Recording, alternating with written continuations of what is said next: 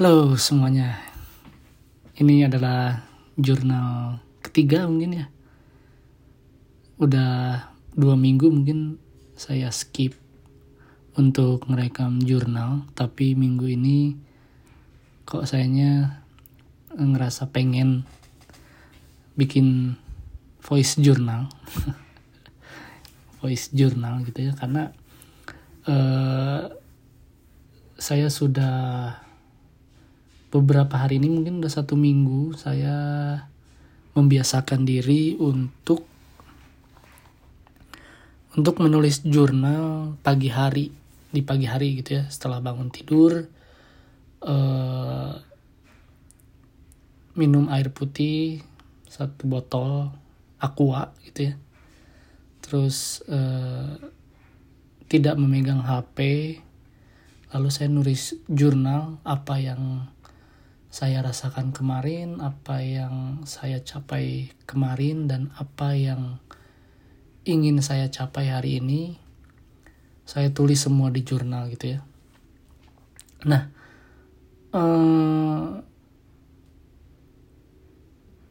dalam hal itu gitu ya di jurnal eh di jurnal di voice journal kali ini saya ingin ngobrolin tentang habit atau kebiasaan dalam hidup saya sendiri gitu ya. Jadi uh, mungkin yang ya yeah, I don't know if somebody listen to my podcast or not I don't really care but if you listen to this podcast then probably you all know that I started stoicism from 15 August. Dari tanggal 15 Agustus uh, Agustus 2022 gitu ya dan uh, dari sejak itu saya memulai membuat dan membiasakan diri saya ke dalam kebiasaan-kebiasaan yang di luar dari kebiasaan saya gitu ya. Tentunya ini menjadi kebiasaan baik dan merubah saya dari yang biasanya melakukan kebiasaan buruk jadi setiap hari saya melakukan kebiasaan yang saya pikir baik gitu ya. Well yang pertama eh, saya ingin membacakan salah satu kata-katanya eh, Musonius Rufus dalam lectures eh, 6.25.5 sampai 11. Eh, saya baca ini di bukunya Ryan Ryan Holiday The Daily Stoic.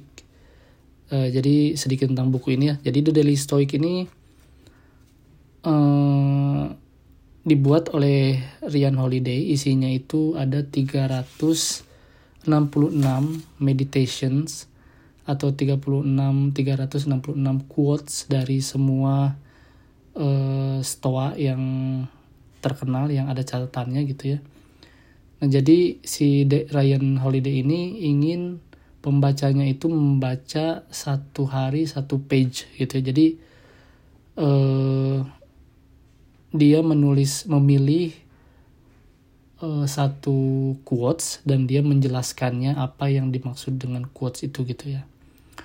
Nah, ini eh, saya membaca tentang never do anything out of habit Musonius Rufus uh, jadi gini kata-katanya So, in the majority of other things, we address circumstances not in accordance with the right assumptions, but mostly by following right habit. Since all that I've said is the case, the person in training must seek to, ra- to rise above. So, as to stop seeking out pleasure and steering away from pain, to stop clinging to living and abhorring death. And in the in the case of property and money, to stop following, receiving, over giving. So yang saya yang saya uh, pahami dari dari perkataan ini gitu ya. Jadi uh, kita tuh harus harus membiasakan diri dari kebiasaan yang membuat kita nyaman, membuat kita uh, manja gitu ya. Padahal kebias uh, padahal ya padahal kebiasaan itu tidak baik sama sekali untuk kita gitu ya. Kayak contohnya si Ryan Holiday ini mencontohkan uh, sebuah seorang pekerja gitu ya. Uh, ditanya sama bosnya kenapa kamu melakukan ini? Jawabannya because ini karena ini adalah hal yang selalu saya lakukan gitu ya. Dan sebenarnya jawaban itu membuat membuat apa ya membuat miris gitu ya membuat miris karena eh, kita bekerja seharusnya ya bukan karena kebiasaan tapi kita melakukan sesuatu karena memang sesuatu itu eh, baik untuk dilakukan gitu ya. Kalau kebiasaan itu tidak baik untuk dilakukan ya seharusnya kita berhenti dan melakukan cara yang lain untuk eh, menuju kebaikan gitu ya. Seperti yang saya eh, kerjakan dari tanggal 15 Agustus ketika saya eh, memutuskan untuk memulai stoicisme ini gitu saya mulai pertama tidur sebisa mungkin 8 jam bangun pagi sebisa mungkin jam 6 Uh, kenapa sebisa saya bilang sebisa mungkin? Karena saya sendiri itu kerja uh, sehari itu hampir 12 jam. Jadi saya berangkat dari rumah itu sekitar jam 11.30 nyampe pekerjaan, nyampe uh, kerjaan langsung kerja segala macam uh, sampai selesai mungkin sampai rumah jam 10 jam 10 setengah 11 kadang kalau weekend itu bisa nyampe rumah jam 11 setengah 12 gitu ya. Jadi sebisa mungkin saya tidur 8 jam dan sebisa mungkin saya bangun jam 6 paling telat jam 7 nah dari tanggal 15 itu saya membiasakan diri seperti itu gitu ya. Nah setelah itu eh, saya merasa tidur saya lebih baik badan saya lebih segar gitu ya. Dan saya berpikir bahwa ketika saya tidur uh, tidurnya begadang itu telat lalu uh, bangun siang untuk membayar begadang itu dan siangnya tetap tetap tetap ngantuk juga gitu ya. Ataupun misalkan kamu tidur lebih dari 8 jam tidak bangun pagi tetap saja akan merasakan seperti kok ngantuk ya siangnya gitu ya. Makanya saya pikir ya udahlah karena memang yang disarankan oleh e, dunia kesehatan itu yang terbaik untuk orang dewasa adalah tidur sehari 8 jam. Makanya saya tidur 8 jam sebisa mungkin dan bangun jam 6 pagi. Nah, saya sebelum saya menjalani stoicism ini, saya biasanya nggak pernah sama sekali olahraga ya. Saya cuman cuman cuman cuman kerja pulang nonton YouTube nonton Netflix main game gitu ya tapi setelah saya belajar stoicism itu saya memang benar-benar ingin ingin belajar gitu ya ingin belajar. Ingin membiasakan diri bahwa uh, membiasakan diri untuk melakukan hal-hal yang baik untuk dilakukan gitu ya. Uh, Nah, setelah saya bangun jam 6, saya makan oatmeal. Kenapa saya makan oatmeal? Karena saya memiliki uh, apa ya? pencernaan yang jelek banget gitu ya. Dan setelah saya baca ya si oatmeal ini mengandung banyak fiber dan dan dan bisa membantu melancarkan pencernaan sehingga bisa gampang uh, pup gitu ya bisa gampang buang air besar gitu nah jadi setelah saya makan oatmeal saya berolahraga tuh. Saya berolahraga kemarin kemarin-kemarin itu karena saya sedang semangat semangatnya gitu ya. Uh, saya langsung jogging gitu lari lari jogging setiap hari gitu ya. Dan sampai pada akhirnya saya melakukan sudah terbiasa melakukan kebiasaan itu gitu ya. Dan itu belum belum apa ya belum belum konsisten gitu masih saya.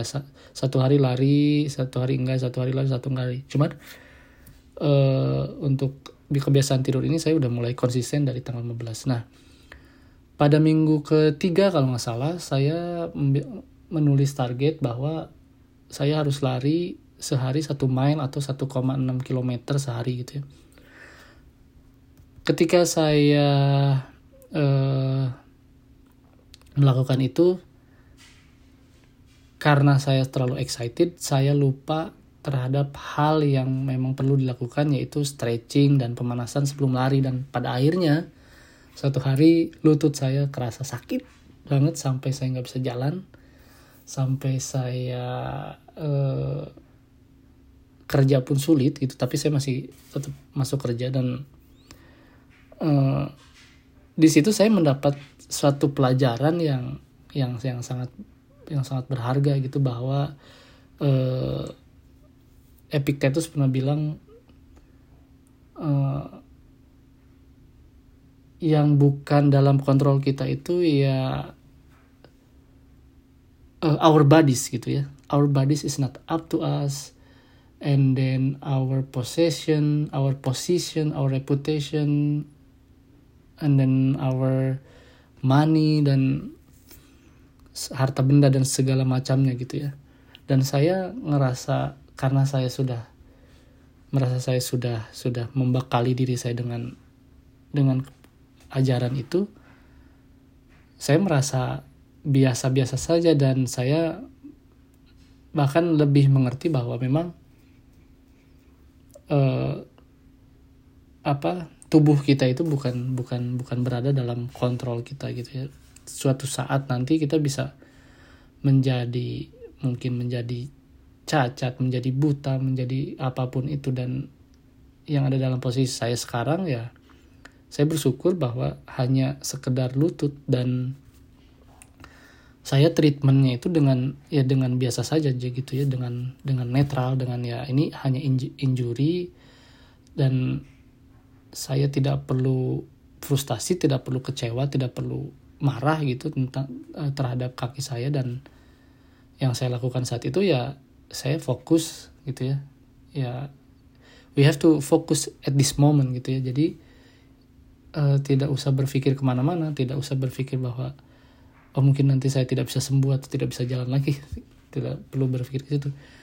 Yang saya lakukan pada saat itu ya saya baca baca artikel lalu bagaimana cara penyembuhannya dan mungkin yang belum tahu kalau ada sakit lutut itu kita eh, cara penyembuhannya itu metodenya adalah RICE RICE itu singkatan ya jadi R-nya itu uh, rest uh, i uh, i ya jadi r i i nya itu ice jadi kita taruh es di atas uh, lutut kita yang sakit atau di bagian badan kita yang sakit taruh ice untuk menghentikan uh, pen menghentikan darah mengalir kepada ke pusat pusat injurinya itu pusat cederanya itu lalu C-nya itu kompres, kompresnya itu pakai kayak apa namanya?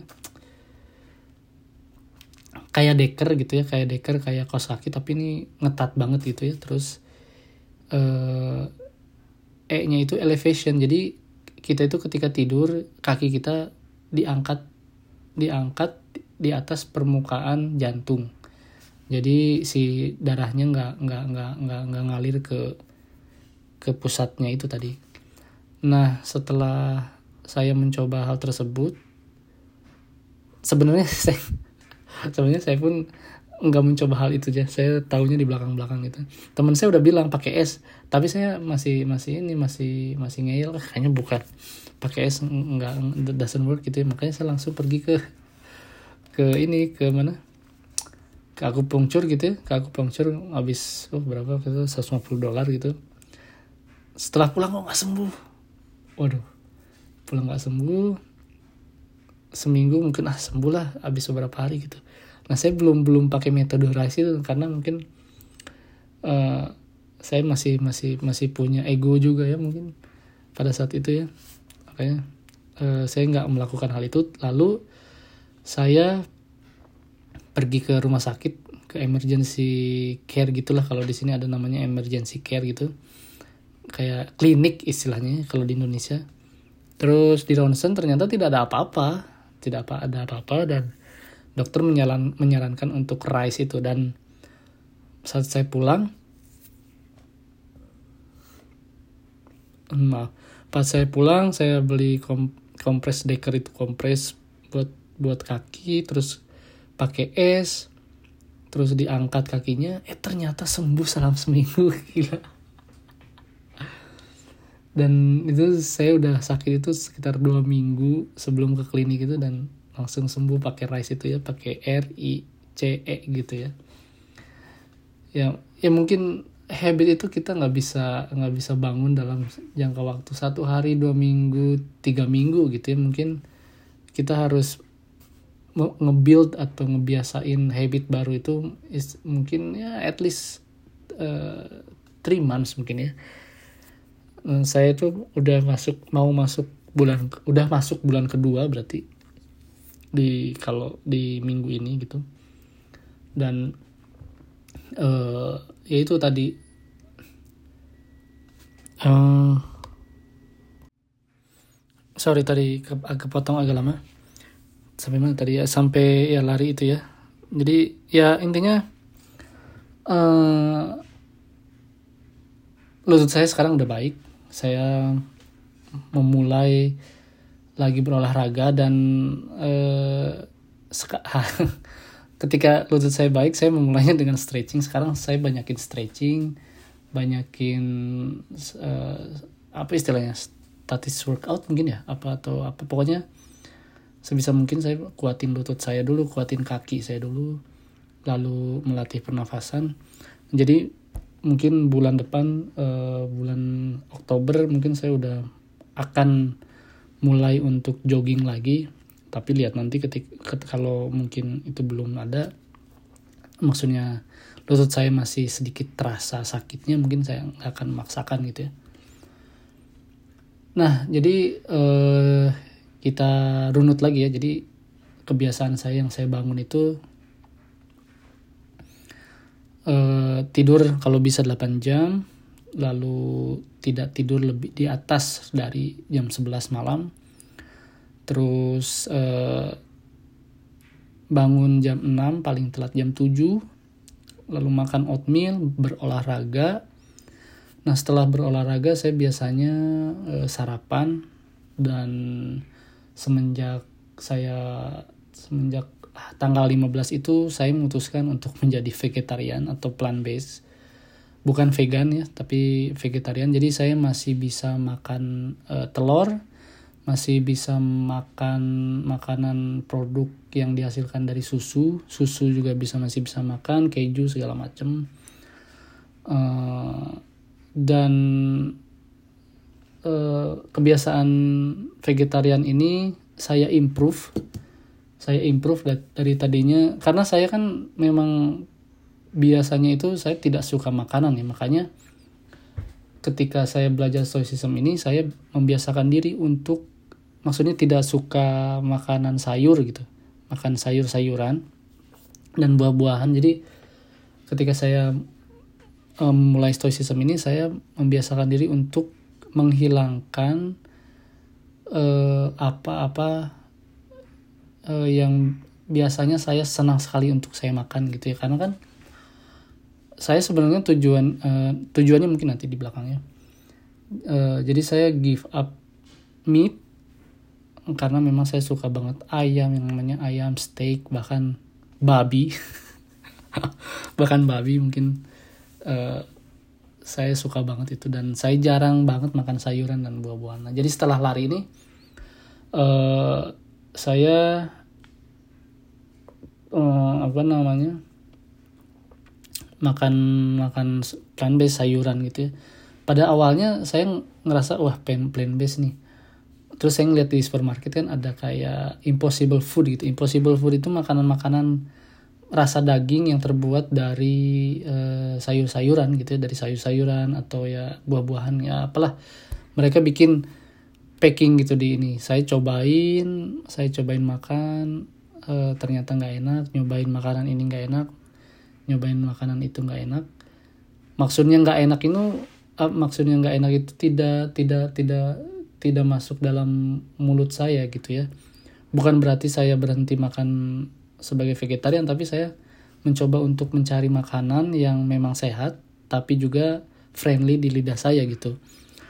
Uh, tadi tadi tadinya saya makan makanan kayak gitu tapi setelah ke sini kok rasanya kok nggak enak gitu mendingan uh, mendingan sayur beneran gitu nah ke sini ke sininya setelah olahraga saya makan salad. Nah, yang saya lagi sukain ini adalah spinach salad pakai uh, olive oil sama pakai salt. Aduh, itu udah enak banget. Terus dua potong roti sama dua butir telur. Nah, itu uh, saya makan sudah sudah dua minggu saya makan itu setelah berolahraga dan itu rasanya memang enak bagi saya dan dan gampang juga prepare-nya gitu ya. Uh, Nah setelah uh, dua minggu ke belakang pun saya sudah sudah sudah sudah menghentikan kebiasaan makan gorengan yang ada minyaknya gitu ya.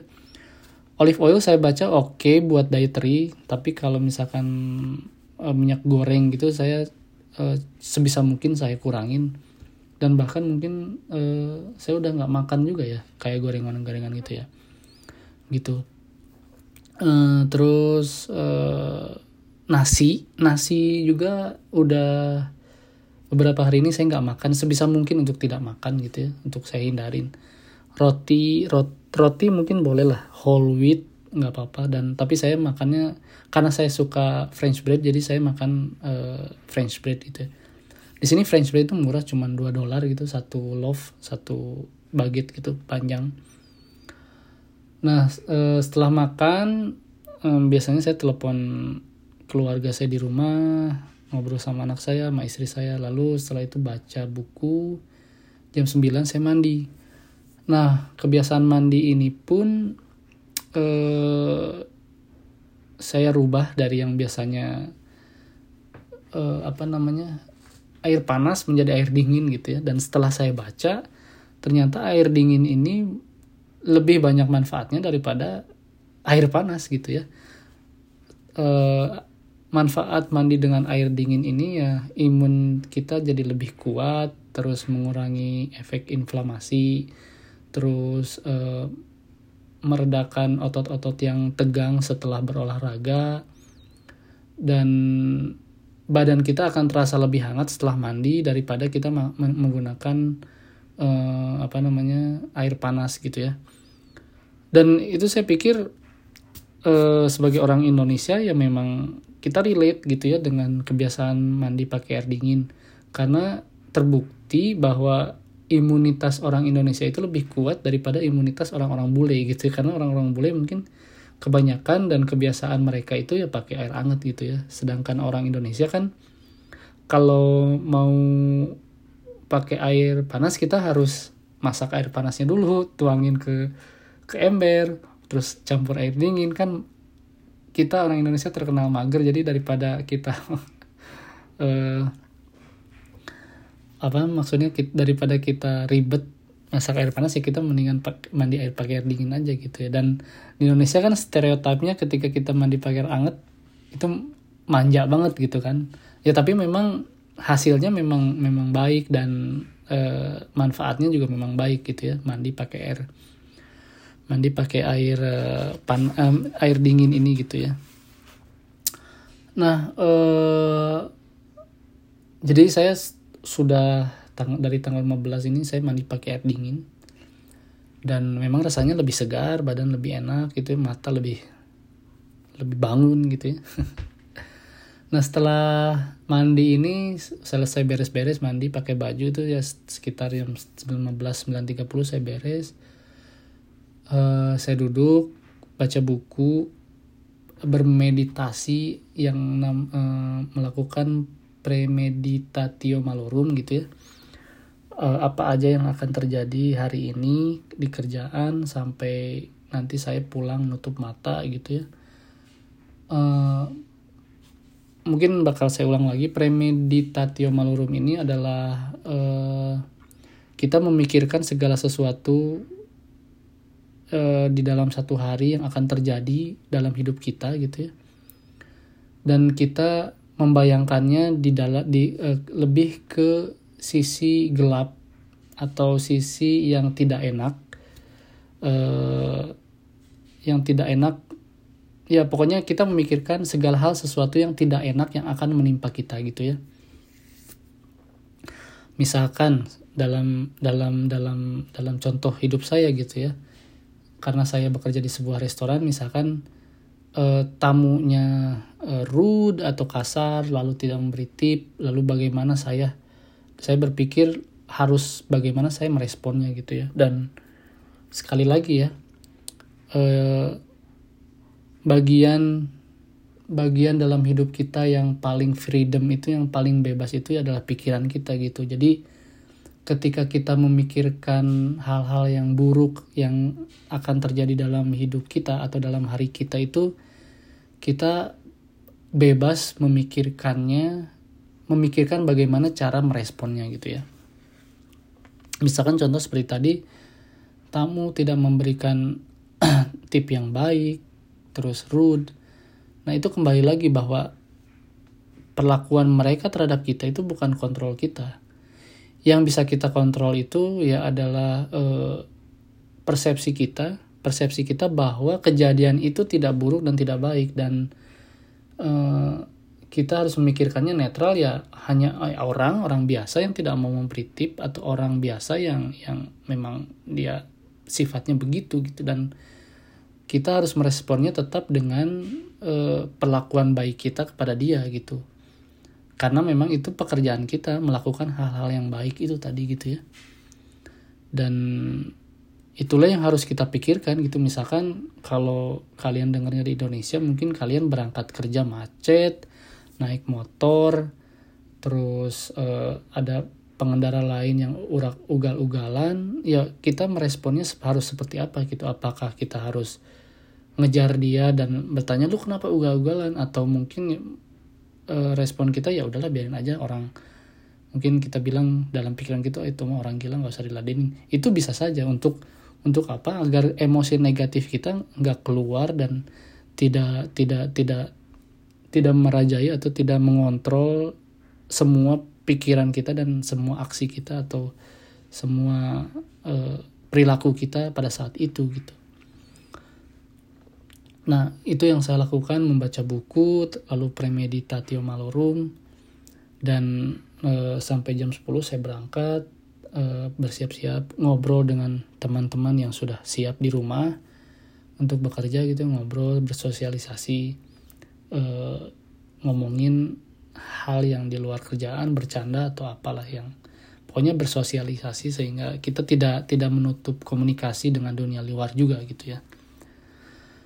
Nah, eh, di kerjaan ini biasanya kan tidak selalu rame ketika pekerjaan kita sudah selesai gitu di restoran itu kan kita kalau di sini tuh kita bisa kayak ya udah cuma tinggal berdiri doang gitu terserah kalian mau nonton YouTube atau apa gitu. Biasanya kan saya nonton YouTube atau scrolling TikTok atau Instagram. Nah, dalam beberapa minggu ke belakang ini saya sudah uninstall kayak YouTube Eh, Instagram, TikTok dan segala sesuatunya gitu ya. Uh, kenapa begitu? Saya waktu itu baca uh, quotesnya gitu atau kata itu kata-kata kata-kata siapa saya lupa eh. Uh, oh kata-kata Marcus Aurelius bahwa intinya saya lupa kata-kata jelasnya saya lupa intinya itu dia menjelaskan bahwa kita itu tidak perlu mengetahui semua hal yang ada di luar kendali kita gitu. Kita tuh bisa memilih hal apa saja yang harus kita ketahui dan hal apa saja yang harus kita uh, uh, yang harus tidak yang tidak perlu kita ketahui gitu. Kita itu punya kontrol hal itu gitu. Dan kita itu nggak harus tahu segala hal gitu. Tapi kita itu bisa memilih hal-hal yang memang perlu untuk diri kita yang menguntungkan diri kita gitu. Makanya ketika saya melihat TikTok, Instagram atau YouTube saya merasa mungkin saya merasa bahagia saat itu tapi saya merasa bahagian itu kosong gitu. Dan ketika saya ingat lagi memang memang memang kebahagiaan itu semuanya kosong gitu. Karena kebahagiaan itu kita kita raihnya dari dari hal-hal yang ada di luar kontrol kita. Makanya uh, saya uninstall semua Instagram sosial media gitu ya. YouTube dan segala macam. Bukan berarti saya tidak tidak tidak menjamahnya secara secara 100% gitu tapi saya lebih menggunakan sisi luang saya di pekerjaan itu untuk membaca buku. Baca buku di handphone gitu ya. Karena eh, kalau bawa kopian buku itu ribet ke kerjaan jadinya saya beli buku audio apa eh, e-book gitu di handphone saya baca. Eh, ya at least saya baca one page in a day atau one page at a time gitu ya. Uh, jadi saya mendapatkan informasi yang pengen yang memang benar saya perlukan gitu yang saya lagi sekarang saya belum belum tamat juga udah sebulan. Saya baca ini apa namanya uh, apa namanya kok jadi lupa? Uh, obstacle is the way. Dari Ryan Holiday juga obstacle is the way. Jadi buku ini menarik ya buku ini menarik bahwa obstacle itu bukan sesuatu yang atau rintangan dalam hidup kita ini bukan sesuatu yang harus kita takuti, harus kita hindari sebenarnya, tapi uh, obstacle ini uh, ada sesuatu yang seharusnya bisa menguntungkan kita gitu ya. Dan karena Ryan Holiday adalah seorang stoa, jadi dia mengapproach uh, rintangan itu dan mengajarkan cara menghandle rintangan itu ya dengan cara-cara stoa gitu ya dengan cara-cara stoa gitu ya. Kayak kalau ada masalah di ada masalah di society, di society gitu ya eh, yang kita nggak suka gitu ya ya kita nggak usah nggak usah ngeributin gitu kayak di media sosial. Misal misalkan lu nggak suka sama seorang gitu ya sama Instagram apa in, insta, kayak uh, selebgram gitu ya lu nggak suka sama selebgram ya udah nggak usah nggak usah ribut nggak usah diliatin gitu ya. Itu kan bukan masalah gede gitu ya itu masalah yang kecil yang harus dihindari. Kayak kayak lu kayak lu dikasih makanan terus ada sambal yang which is lu nggak nggak makan pedas gitu ya udah sambalnya pinggirin jangan dimakan pedasnya gitu ya. Tapi kalau di uh, si Mar di si Marcus Aurelius ini kan uh, membayangkannya dulu kalau ada timun yang pahit ya udah nggak usah dimakan. Jangan jangan jangan dipermasalahin gitu jangan diperdebatkan kenapa ada timun yang pahit gitu. Kayak gitu gitu ya.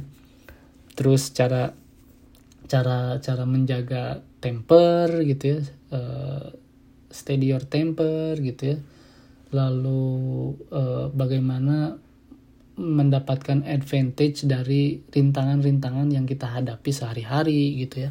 Dan buku ini memang memang memang bagus untuk orang-orang yang memang sedang belajar stoicism gitu. Nah eh, lalu kebiasaan lain yang saya eh, lakukan di kerjaan yaitu membiasakan diri untuk eh, bermeditasi. Jadi meditasi ini bukan artian meditasi ini kan kalau dalam bahasa Inggris itu meditate itu memfokuskan diri kepada hal yang ingin kita fokuskan gitu ya. Bukan berarti kita duduk kayak kayak kayak biksu gitu duduk sila uh, menutup mata dan membayangkan hal-hal atau ya pokoknya gitu ya. Jadi meditasi ini sebenarnya bisa dilakukan di mana saja kapan saja gitu karena pada intinya meditasi ini kan artiannya memfokuskan diri, memfokuskan pikiran kepada apa yang ingin kita pikirkan atau apa yang ingin kita kerjakan gitu ya. Nah dalam hal ini saya memfokuskan diri saya kepada uh, ajaran dasar dari stoicism gitu ya bahwa ada dua uh, dikotomi kendali, ada dikotomi kendali yang harus kita pelajari gitu ya. Uh, jadi apa yang ada di dalam kendali kita, apa yang ada di luar kendali kita. Nah, di kerjaan saya membiasakan diri untuk untuk melakukan hal itu, bah karena memang di kerjaan itu banyak sekali eh, hal-hal uh, yang yang yang penuh dengan kejutan gitu kayak tamu yang yang yang kasar, yang judes, yang banyak mintanya gitu. Dan dan saya berlatih untuk untuk berpikir bahwa ya itu bukan bukan bukan dalam kontrol saya gitu, bukan dalam kendali saya. Dan ketik buat apa saya marah kepada tamu itu toh itu juga nggak bisa saya kendalikan gitu. Dan itu memang harus sudah terjadi gitu ya. Yang saya bisa kendalikan ya pikiran saya agar agar saya tidak marah agar saya melakukan pekerjaan saya dengan dengan seharusnya gitu dengan penuh penuh keramahan dan memberikan servis yang baik dan cepat gitu ya. Jadi apa pun yang dia minta saya dengarkan dengan sabar dan lakukan itu dengan dengan sepenuh hati gitu ya. Dan itu yang yang yang yang saya lakukan yang yang yang saya coba untuk latih dalam keseharian saya gitu ya. Dan hasilnya apa? Hasilnya itu ya saya merasa menjadi lebih lebih tenang gitu ya lebih tenang dan lebih lebih damai aja lebih merasa merasa senang gitu ya. Udah masuk bulan kedua dan setiap hari saya bermeditasi kata-katanya Epictetus gitu ya something some things are up to us and some things are not up to us gitu ya. Uh, ya mungkin di jurnal sebelumnya saya bilang bahwa kenapa saya belajar stoa ini ya, untuk menyembuhkan penyakit mental saya yang pemarah, yang pendendam, yang gampang iri, gampang dengki gitu ya. Dan akhirnya apa? Akhirnya saya bisa mengontrol diri saya mengontrol semua emosi saya dan saya merasakan saat ini saya lebih damai lebih lebih enak lebih tidak tidak banyak pikiran gitu ya. Bukan berarti saya tidak saya flat orangnya bukan tapi lebih bisa terkontrol gitu ya dan itu yang yang kebiasaan yang saya lakukan setiap hari di pekerjaan gitu bermeditasi memfokuskan diri terhadap dua hal ini gitu ya. Apa yang ada dalam kontrol saya apa yang ada di luar kontrol saya gitu. Dan uh, ini adalah dasar dasar dari stoicism gitu. Ketika memang kamu ingin belajar stoicism kamu harus harus uh, harus membiasakan diri untuk uh, memilah itu memilah mana yang dalam kontrol kamu mana yang tidak dalam kontrol kamu gitu. Ketika kamu memikir kamu ber, bergantung hidup kamu bergantung dalam uh, bergantung dengan hal-hal yang di luar kontrol kamu kamu akan merasa kecewa. Ya mungkin kamu akan bisa merasa bahagia cuman akan lebih banyak merasa kecewa merasa marah merasa sedih merasa lalu uh, merasa apa ya merasa diri saya tidak berguna dan segala macam gitu ya. Dan itu yang saya rasakan kemarin-kemarin sebelum saya mengenal stoicism ini gitu. Dan setelah saya mempraktekkan itu setiap hari memeditasi itu setiap hari gitu ya uh rasanya itu benar-benar incredible gitu ya. Untuk kalian yang merasa merasakan ego yang luar biasa amarah yang tidak terkontrol setiap hari uh, mood swing gitu ya. Uh, obatnya adalah ya pikiran kita sebenarnya nggak ada obat. Obatnya itu bukan obat yang diminum setiap hari tiga kali sehari bukan. Obatnya itu bukan uh, afirmasi dari teman dari keluarga bukan gitu. Obatnya itu bukan pujian dari teman atau uh, apa ya pencapaian obatnya tuh bukan itu gitu. Obatnya tuh ya pikiran kita gitu. Kita harus memikirkan bahwa hey jangan marah udah. Itu buk di luar kontrol kamu. Nggak usah berlarut-larut gitu ya. Nggak usah berlarut-larut udah lupain aja. Obatnya tuh itu karena pikiran kita itu adalah bagian dari dari hidup kita yang paling bebas yang paling merdeka gitu ya. Nggak ada yang yang bisa yang bisa menghentikan kalian itu dari apa yang kalian pikirkan nggak ada. Dan harus ingat juga gitu bahwa uh, uh, apa hal-hal yang di luar kontrol kita itu bakal bakal hilang suatu saat hilang suatu saat tidak ada di depan mata gitu yang yang yang bisa bantu kamu ya cuman cuman pikiran kamu gitu. Kayak gitu sih. Terus uh, ya tadi kebiasaan itu ya, bermeditasi di kerjaan gitu ya uh, mempraktekkan juga gitu. Lalu pulang uh, oh ya jadi uh, selain vegetarian saya juga melakukan intermittent fasting gitu ya. Uh, dari mulai tanggal 15 saya intermittent fastingnya saya berhenti makan dari jam 5 terus seminggu dari jam 3 berhenti makan. Nah sekarang sekarang ini uh, semenjak tanggal 5 September itu saya boleh makan dari bangun pagi sampai jam 2 siang. Oh gitu ya. Dan uh, setelah itu bekerja saya pulang uh,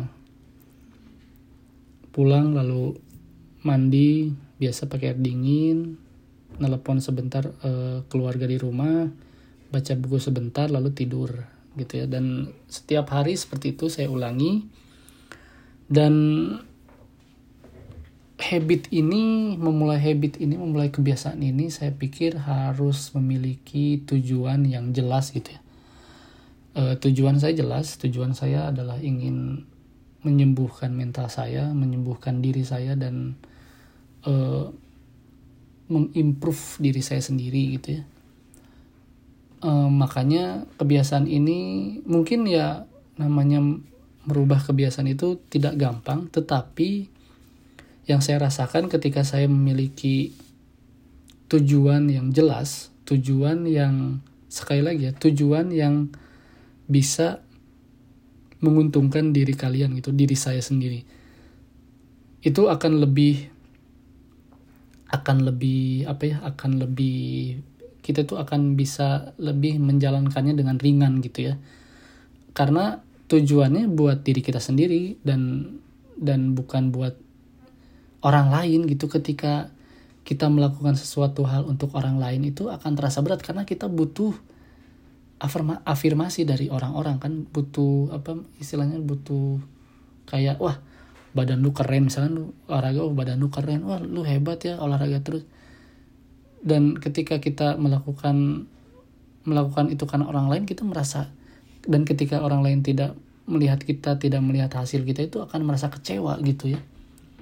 Tapi ketika kita memulai kebiasaan kita untuk diri kita dan karena kita tidak butuh afirmasi dari siapa pun ya kita melakukannya dengan enak dengan bahagia gitu ya. Yang yang mengafirmasi diri kita sendiri gitu pikiran kita sendiri gitu ya.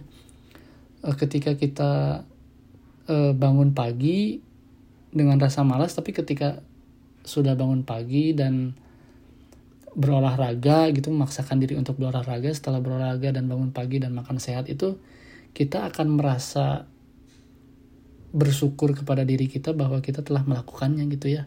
Kayak wah keren eh gue telah udah ngelakuin apa yang gue mau gitu ya. Apa yang yang seharusnya gue lakuin gitu.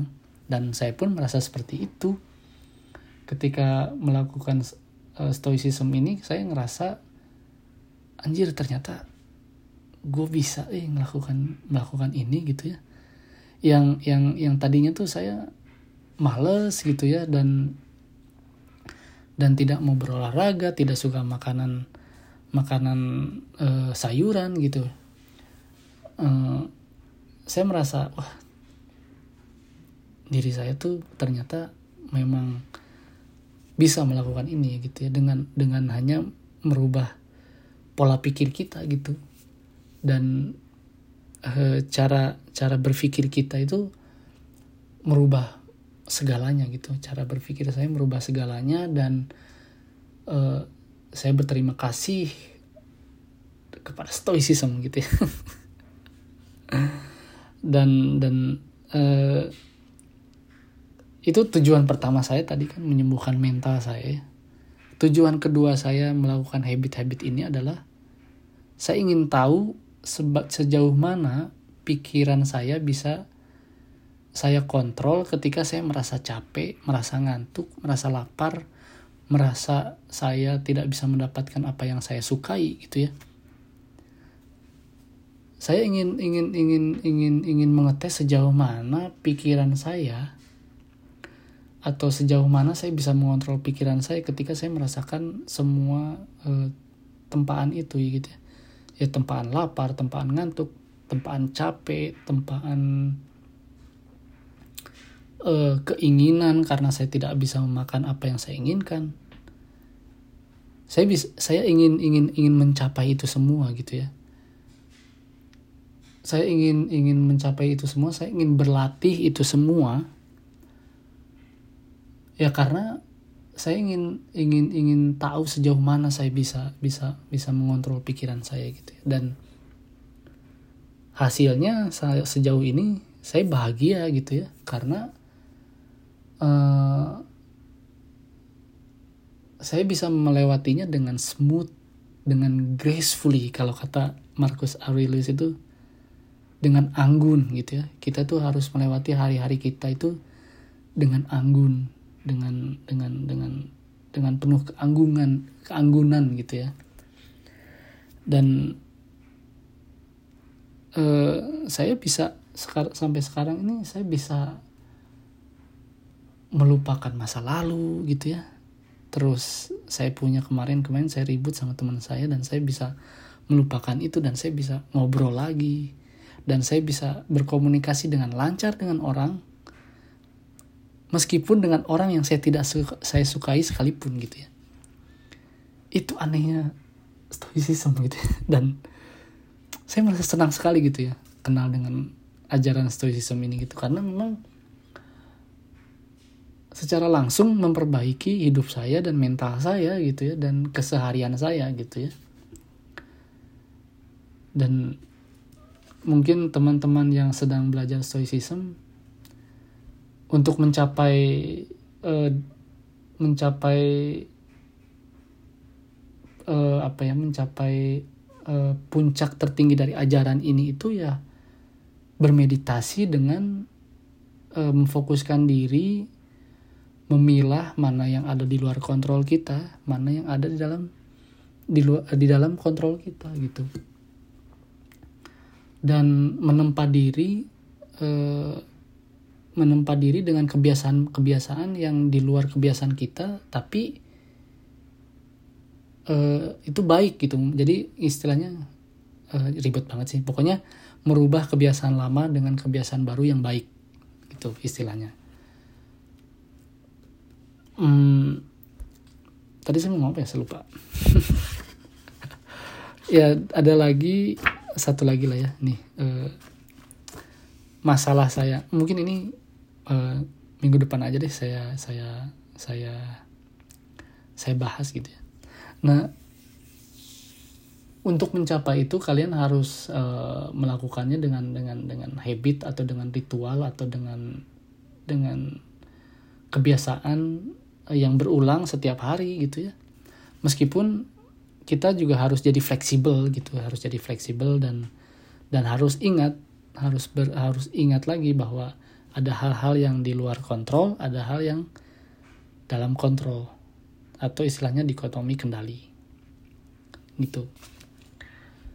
Uh, bagi teman-teman yang uh, ingin belajar lebih jauh tentang stoicism atau ist, uh, mungkin ingin belajar dasarnya dari stoicism teman teman-teman bisa membaca buku dari uh, bukunya Henry Manampiring yang saya juga baca kemarin yang judulnya Filosofi Teras.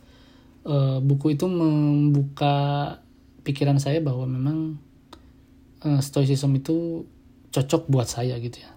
Belum tentu cocok buat buat buat kalian tapi saya merasa buku itu cocok buat saya dan uh, saya dapat dasarnya dari stoicism itu gitu. Dan sampai sekarang saya masih belajar uh, uh, belajar semua hal tentang stoicism gitu ya.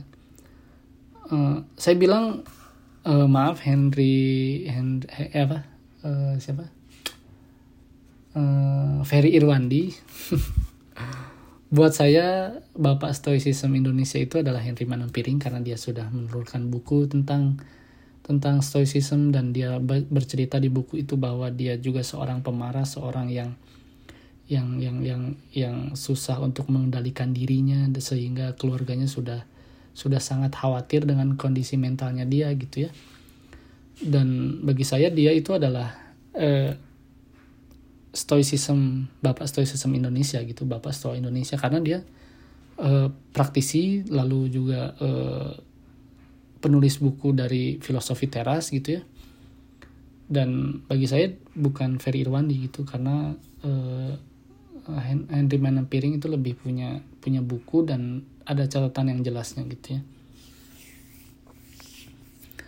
Uh, sekian aja mungkin ya untuk jurnal kali ini. Jurnal kali ini kan saya beri judul ya memulai kebiasaan stoa Oke, sampai jumpa minggu depan. Uh, kalau ada yang mendengarkan, terima kasih. Ciao.